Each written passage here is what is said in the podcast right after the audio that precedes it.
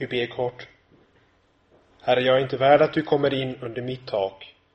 Men säg bara ett ord, så blir din tjänare frisk. Amen.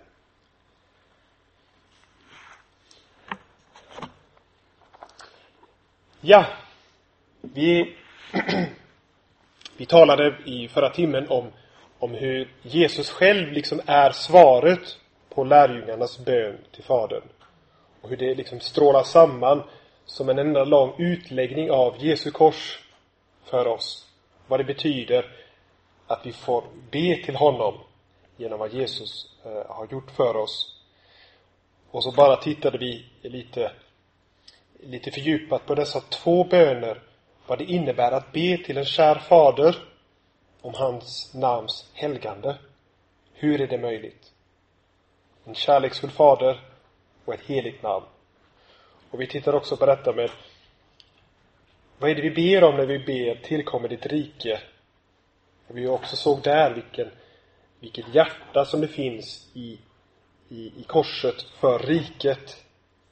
Till våra hjärtan, till världen och till rike som han har förberett för oss i evighet. Ja, jag ska Och så ska vi i denna sista timme tala om Herrens bön som en, en dopbön och som en nattvardsbön. Och det här förstås hänger ihop med, med det vi har talat om i första i andra timmen, äh, föregående timmen. Eftersom dopet och nattvarden är inget annat än just korsets eh, förverkligande eller givande till oss. När Paulus säger att vi döps till hans död, begravs med honom, uppstår med honom, så förstår vi att dopet är så att säga kopplingen till Kristi kors. Och på samma sätt med, med nattvarden, här räcks Kristus, hans offrade kropp, hans utgjutna blod till oss med välsignelsen av allt det han har åstadkommit. Och så ska vi nu titta lite närmare. Men vad har Fader vår för plats i det här? Kan de på något sätt ha med varandra att göra?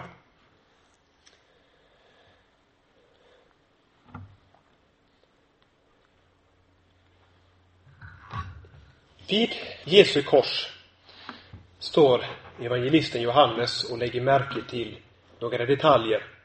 Och Johannes måste man läsa med, med förstoringsglas så man inte går miste om de små detaljerna. För han gör stora, djupa eh, detalj, eller upptäckter i de små detaljerna.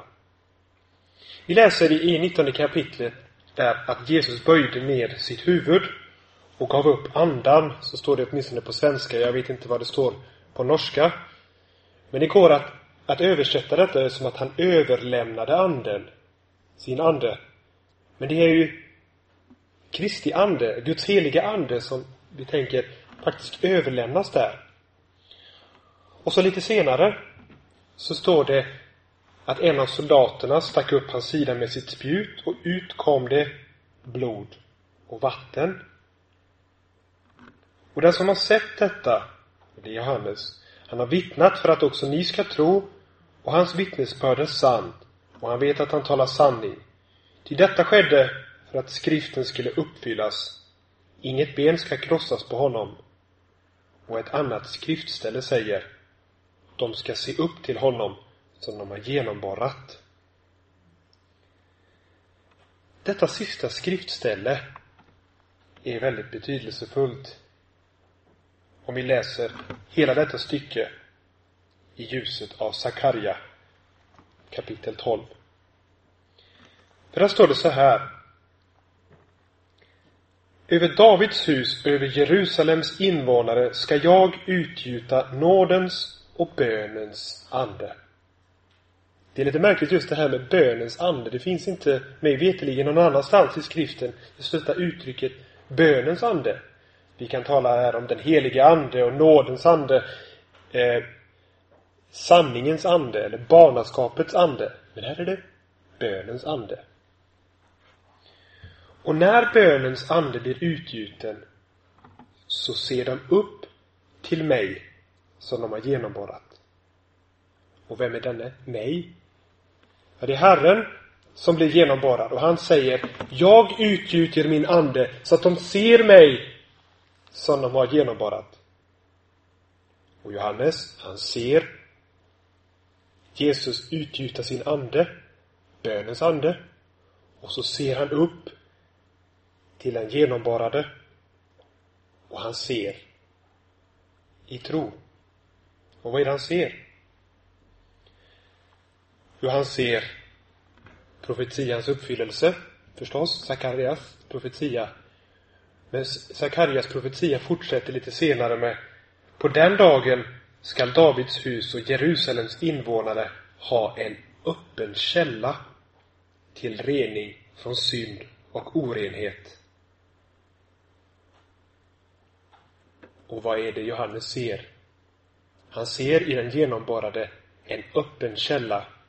Blod, vatten, en, reningen, en renande källa för synd och orenhet. Han där vid korset är själva uppfyllelsen av Sakarias profetia. Han tar emot bönens ande. Så att han ser, här är den genomborrade. Och ur hans sida kommer blod och vatten. Där är källan. Och han har fått bönens ande. Så att han tror. Och så att han ber.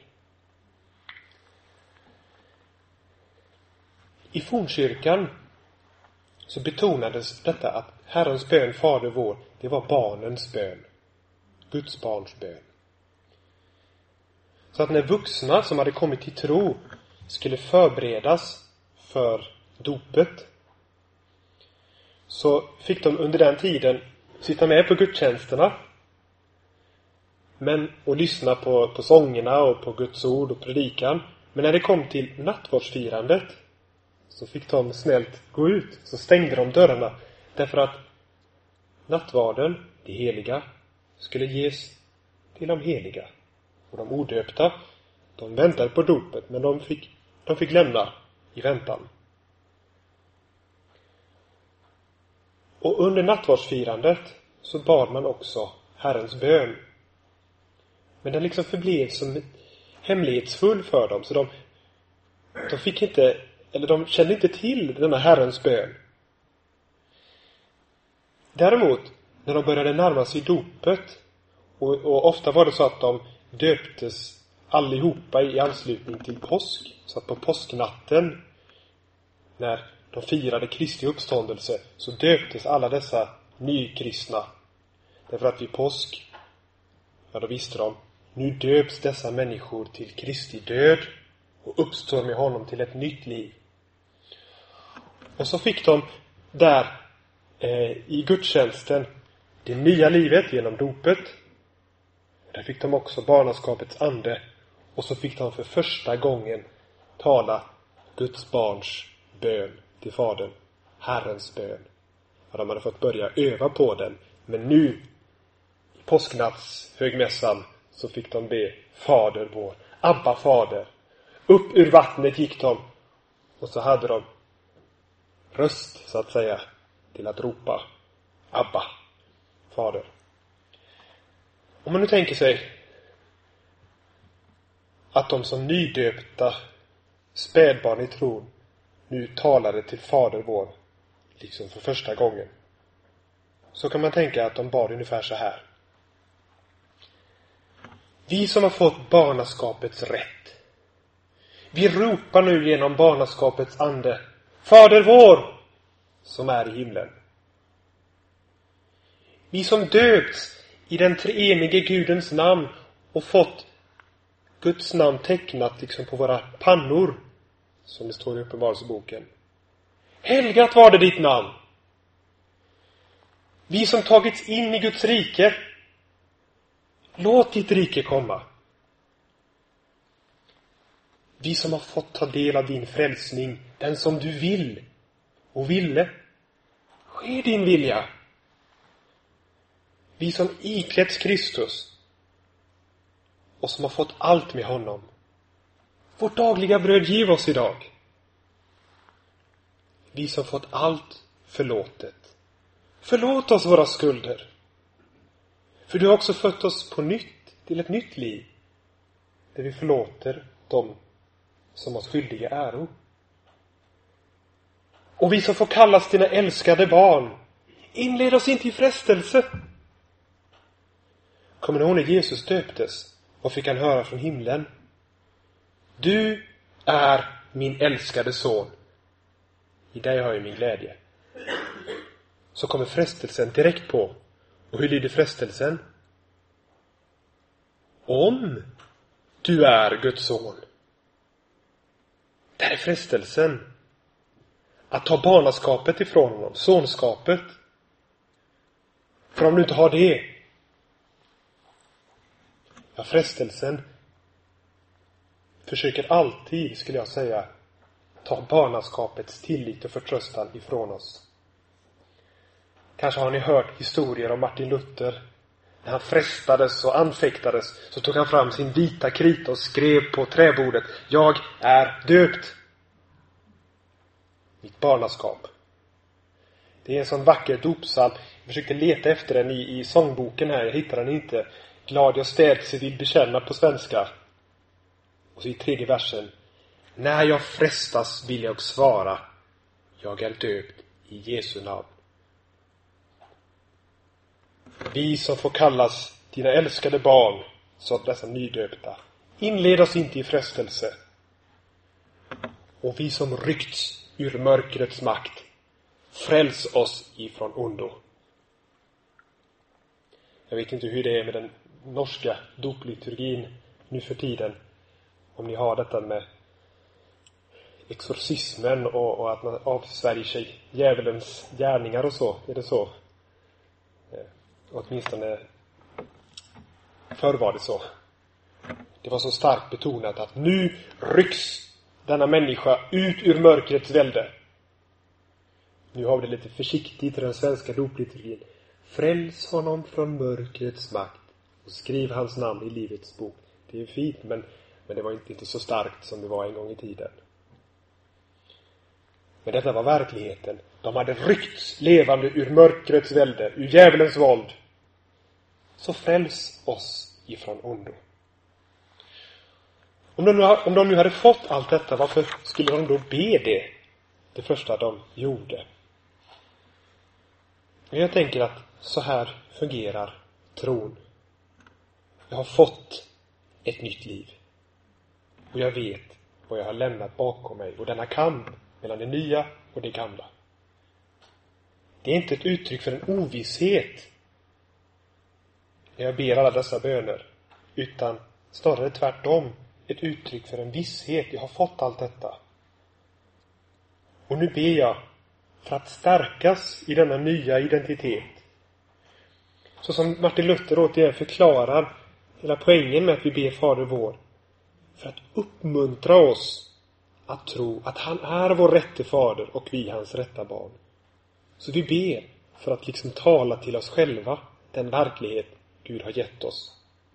Vi har fått ett barnaskap. Och inför det som händer i liv och vardag så får vi vända oss till honom som älskar oss, som ser oss, som bryr sig om oss och vårt eviga väl. Här finns det bästa nedlagt för oss. Och för andra, skyddet. Och naturligtvis också, det är smärtsamt om man gör den som man älskar illa. Så här finns också i bönen en bön om att jag inte skulle bedröva min fader genom att vanhelga hans namn eller hindra hans rike och så vidare.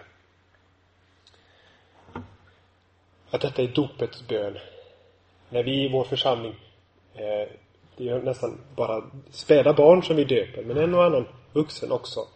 Men när vi har döpt med vatten och i den treenige Gudens namn så brukar vi alldeles efter dopet säga och låt oss nu tillsammans med den nydöpte som har fått barnaskapets ande ropa till Abba, Fader. Och den späda lilla människan har ju inte eh, språkförmåga, men den har barnaskapets ande som ropar den bön som vi vuxna liksom ger ord åt i den gemensamma bönen, Herrens bön.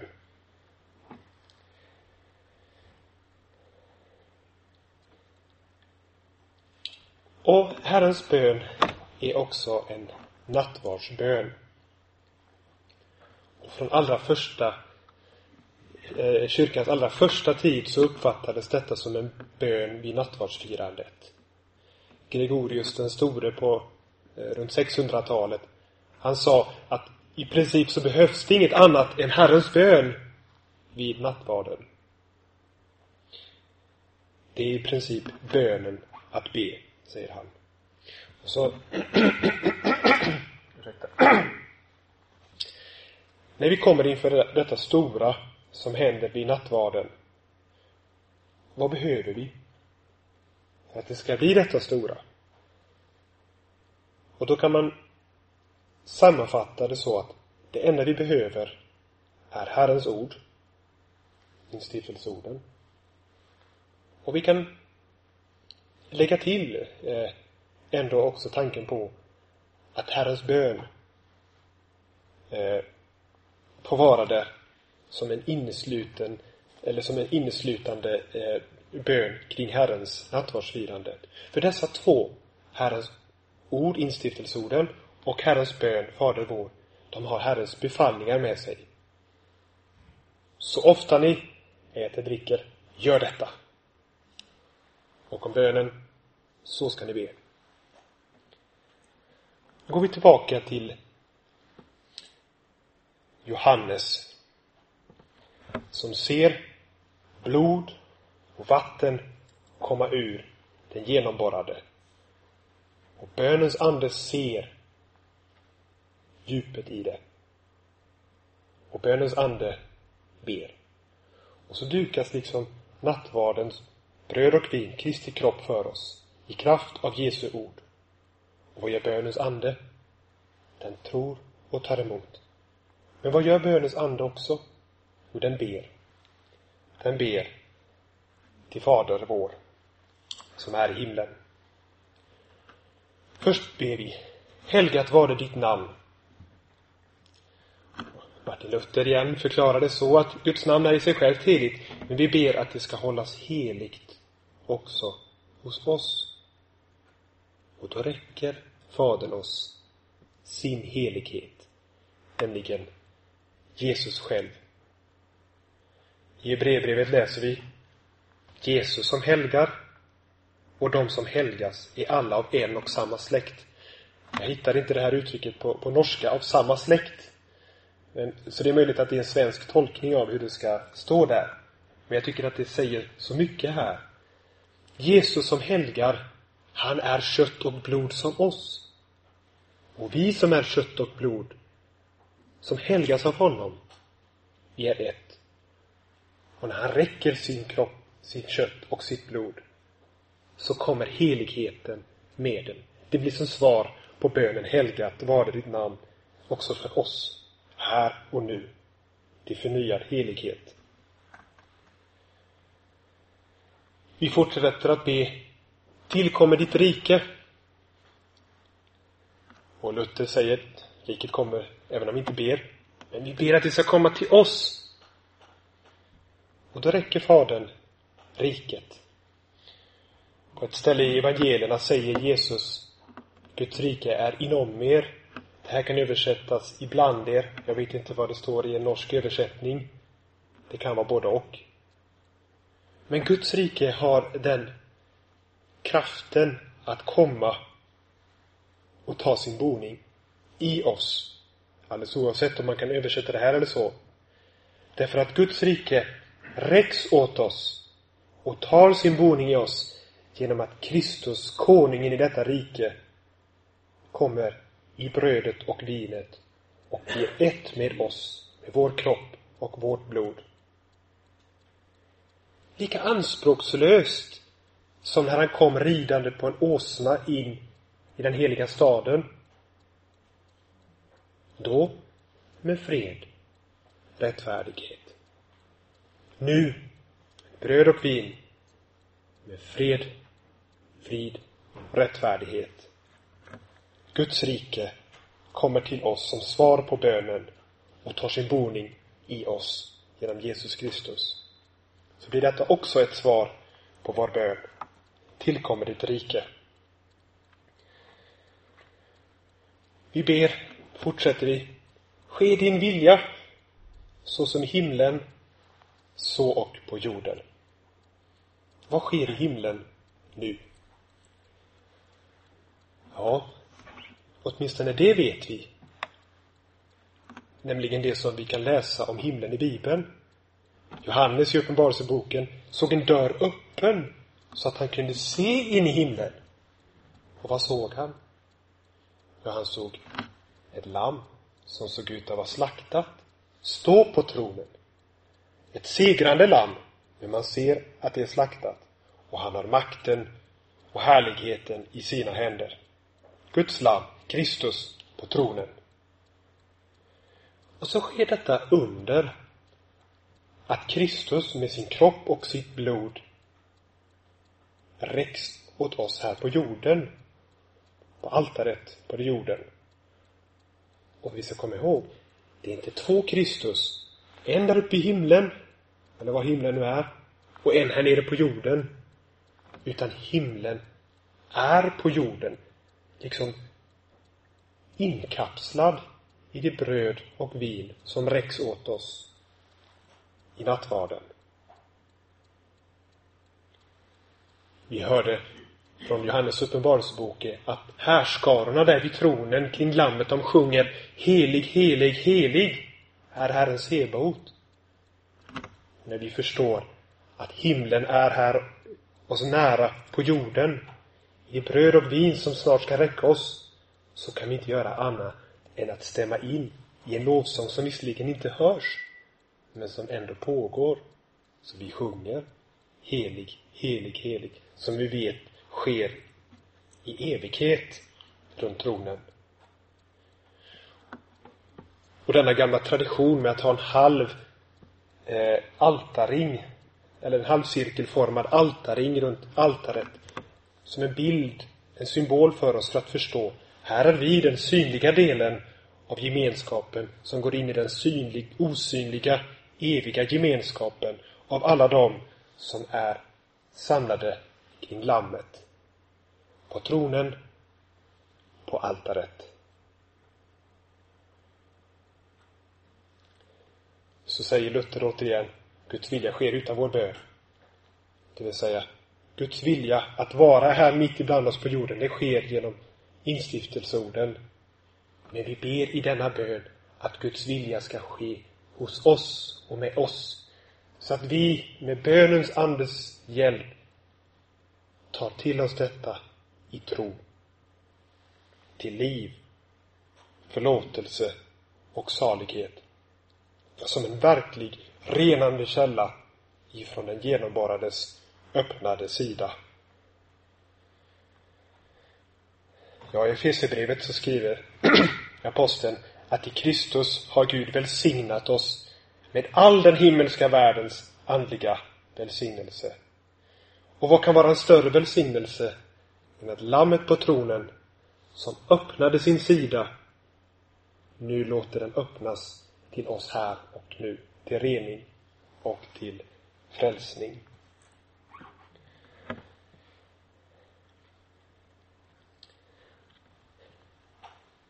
Har ni lagt märke till att från att ha vänt våra blickar till Fadern i himlen och ber ditt namn, ditt rike,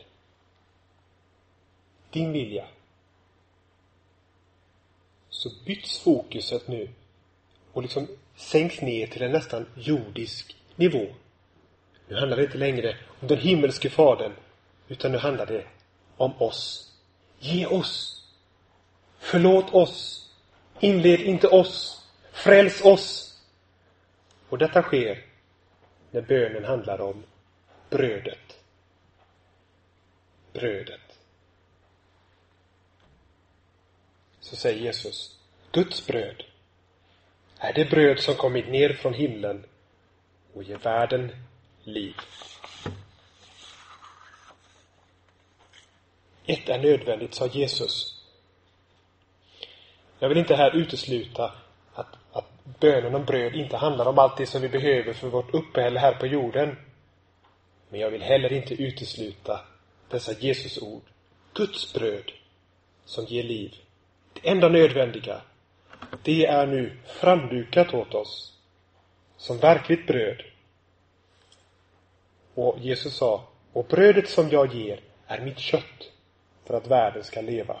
Och det säger han i första hand om den kropp som spikades upp på Golgata kors, livets bröd, men som sedan räcks åt oss i nattvardens bröd.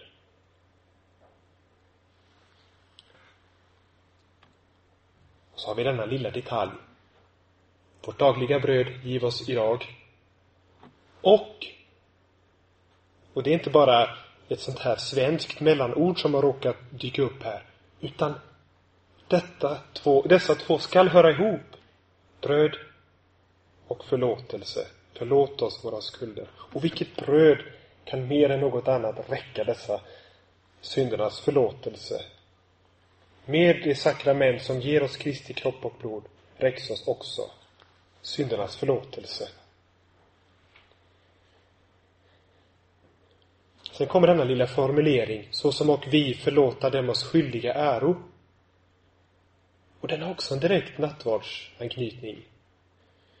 Därför att i nattvarden så är vi också noga med att tala om självprövningen, om omvändelsen och försoningen mellan bröder.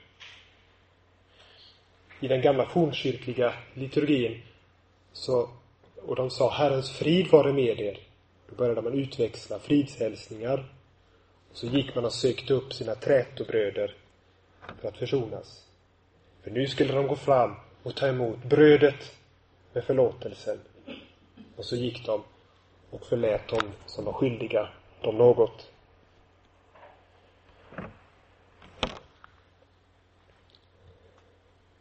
Och så fortsätter vi att be, inled oss inte i frestelse. Kristus är det starkaste vapnet som vi har mot alla frestelser. Lägg märke till Israels barn i öknen som vandrade i öknen och frestades på en rad olika sätt. Och så gav Gud detta märkliga manna från himlen. I Salteren och, och senare i Nehemja så kallades det för änglabrödet. Det där av ordet panis angelicus. Det var som att man anade att med detta himmelska bröd så fick man något stort. Inte bara bröd för dagen utan också ett slags påminnelse om den Gud i det höga som försedde dem med livets nödtorft. Och lägg märke till hur Mose uttrycker detta i femte Moseboken. Han ödmjukade dig och lät dig hungra. Och han gav dig manna att äta. En mat som varken du eller dina fäder kände till. Och nu skulle man kunna tänka att han, han skriver för att du skulle ha mat och inte behöva hungra.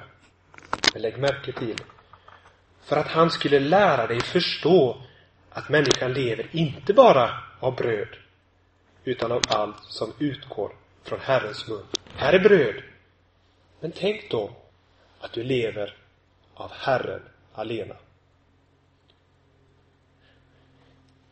Och det är det här ord som Jesus citerar när han eh, eh möter frestaren i öknen, djävulen.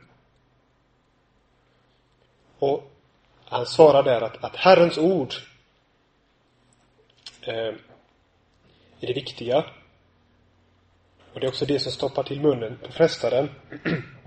Mer om detta på söndag, för då handlar det om Jesu frestelse. Men dessa ord som Herren uttalar är så viktiga. Och det är också de som på något sätt är det som gör nattvarden till vad det är. Hör här hur Martin Luther uttrycker det i katekesen om det Guds ord som är knutet till brödet och vinet och till ätandet och drickandet. Det ord är tillsammans med det kroppsliga ätandet och drickandet huvudsaken i sakramentet. Och den som tror om orden har vad de utsäger, nämligen syndernas förlåtelse. Här utgår ord från Herrens mun. Om brödet, ta och ät. Om vinet, drick av den alla. Då tar vi det. Jag lever av det. Och frestaren måste vika undan. Hit, men inte längre, kan frestaren komma. Och till slut ber vi och fräls oss ifrån ondo. Det onda och den onde. Kommer ni ihåg den spännande berättelsen om Mikael och hans änglar som stred mot draken, åklagaren som anklagade Guds utvalda dag och natt. Och så tog Mikael upp striden mot draken och drev ut draken ur himlen och kastade ner honom på jorden. Och då kunde man ju tänka sig att ja, ja, det var för att änglarna var mycket starkare än djävulen och hans anhang. Att deras svärd var vassare än drakens. Men så kommer den lilla förklaringen. Vad det var som gjorde att de kunde driva ut honom ur himlen. Och vad står det? Jo, att de övervann honom genom Lammets blod. Här är det vapen som driver den onde på flykten, som gör att han inte längre kan stå där med sin åklagan, sin anklagelse. Hans mun blir tillstoppad. Jag håller liksom Kristi blod mot dig och alla dina åklagelser, anklagelser. Du kan inte längre anklaga mig för något. Jag hänvisar dig till Kristus på korset. Där är mina synder. Och i den tomma graven kan du leta efter dem. Drick av den alla, säger Kristus om Lammets blod. Det blod som övervinner, som sparkar ut djävulen från Guds närvaro.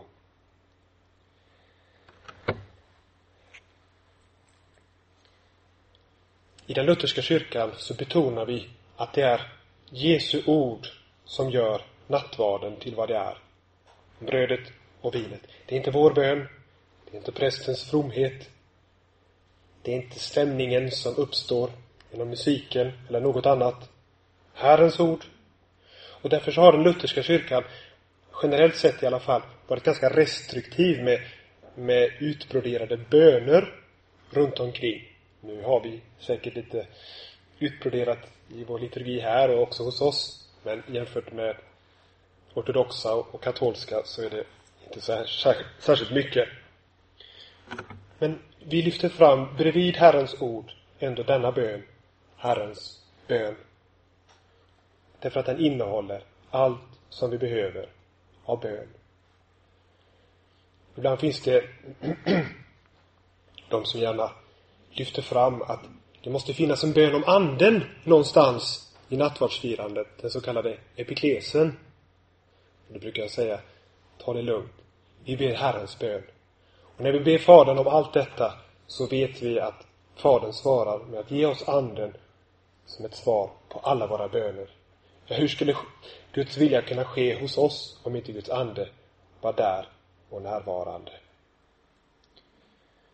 Ja, inför att jag trädde fram inför honom som ger mig allt, Kristus själv. Han som själv är svaret på alla böner, så som vi tecknade bilden för oss med Jesus, den korsfäste, som svaret på Faderns bön, eller på vår bön till Fadern. Så passar heller inget bättre än att vi ber denna bön inför mottagandet. Och kommer ihåg, Guds rike kommer av sig självt, utan vår bön, säger Luther.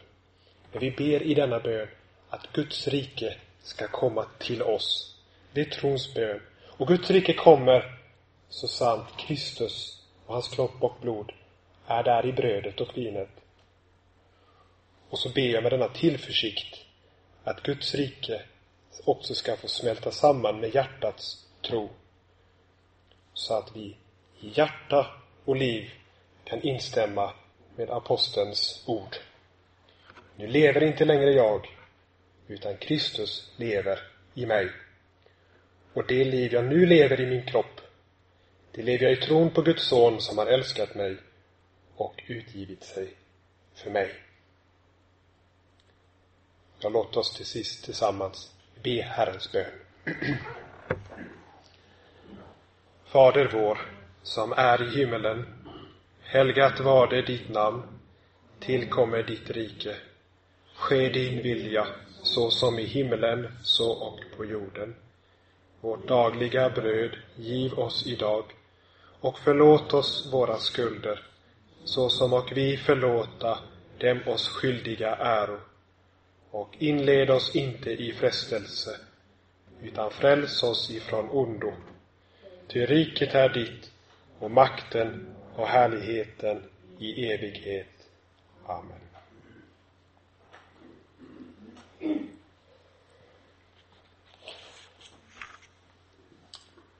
Ja, jag tror att det, det kanske finns en liten stund om det är någon som vill eh, ställa någon fråga eller kanske ge något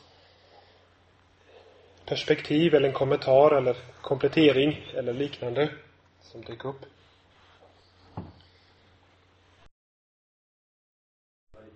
Mm.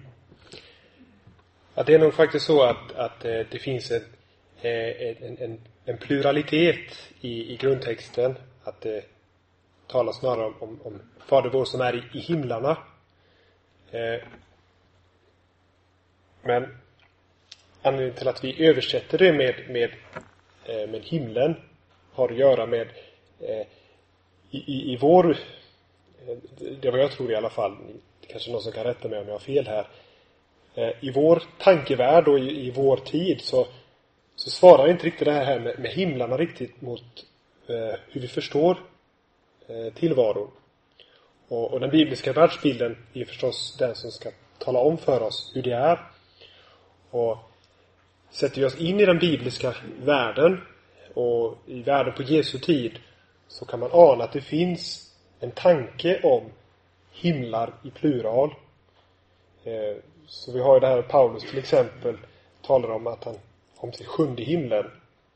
Eh, och så.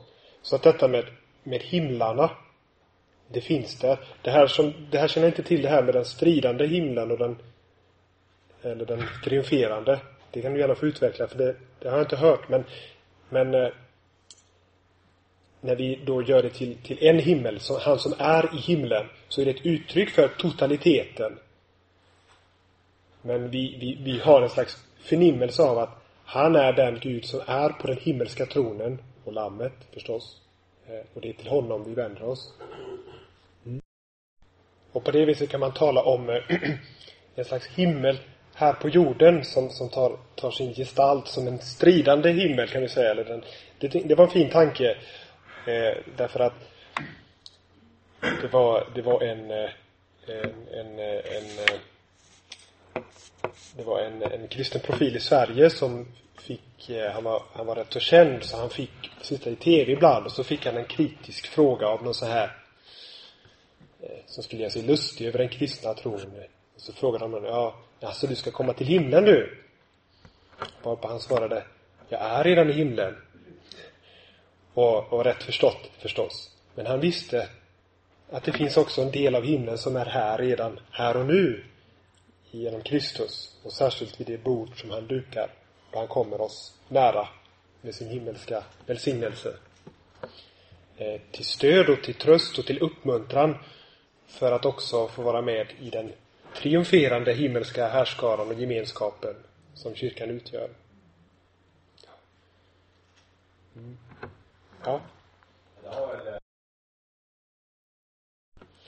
Precis.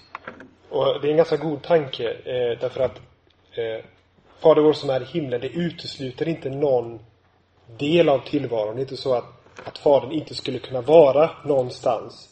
För att han skulle vara begränsad till någon övervåning eller så. När vi tänker himlen så, så automatiskt så, så kanske tankarna går uppåt. Men när Johannes i Uppenbarelseboken fick se en syn. En dörr stod öppen. Så var, så var det på något sätt som att det var framför honom. Och så är det, så tänker jag mig här att, att himlen blir, eller den himmelska dimensionen, den finns där. Eh, runt omkring oss om ni vill. Eh, vi ser den inte därför att den är osynlig. Men den finns där. Och om vi hade ögon till att se, så skulle vi se. Vi kan tänka också på Elisas tjänare. Gamla testamentet. Elisa och hans tjänare står på Jerusalems murar och ser den arameiska härskaran eh, på väg att invadera Jerusalem. Och tjänaren får panik. Vi kommer att bli slaktade. Och så svarar ju Elisa att de som är med oss är fler än de som är emot oss. Och så ber han till Israels Gud, öppna hans ögon så att han ser. Inte ser, men som ändå är där. Om vi bara hade tillgång till den där dörren in i den osynliga himmelska världen. Så får han ju se då att det var fullt utav brinnande hästar och vagnar eh, runt omkring den arameiska armén. Kommer ni ihåg den här berättelsen? Så att där finns ju en sådan dimension utav det som gör att, att det är på ett sätt himlen, det som vi inte ser. Men himlen är också mycket mer. Och Fader vår som är i himlarna, det är liksom totaliteten. Eh. Mm.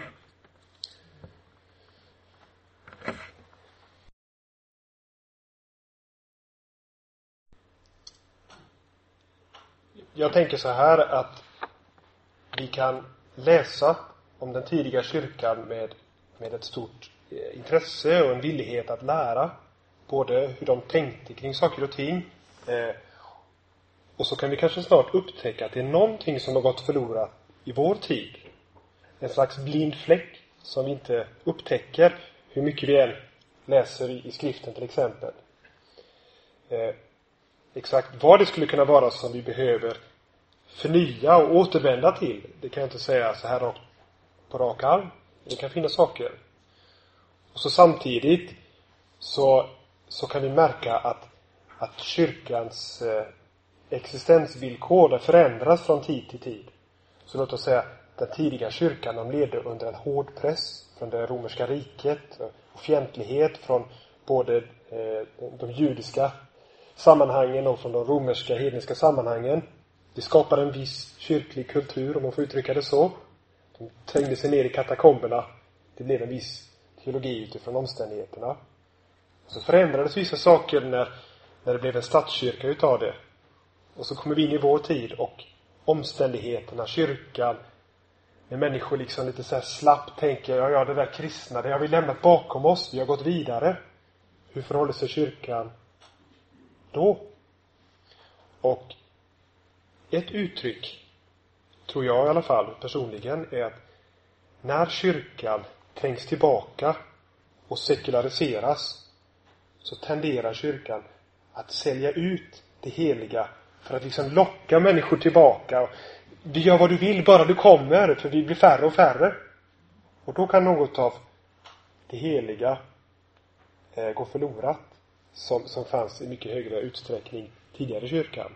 När man inte hade samma iver att behålla människor utan snarare vi är Guds folk, vi är under press. Vi behöver inte fjäska för någon, utan vi är trogna. Så där kan det finnas sådana saker att reflektera över utifrån samtiden. Mm.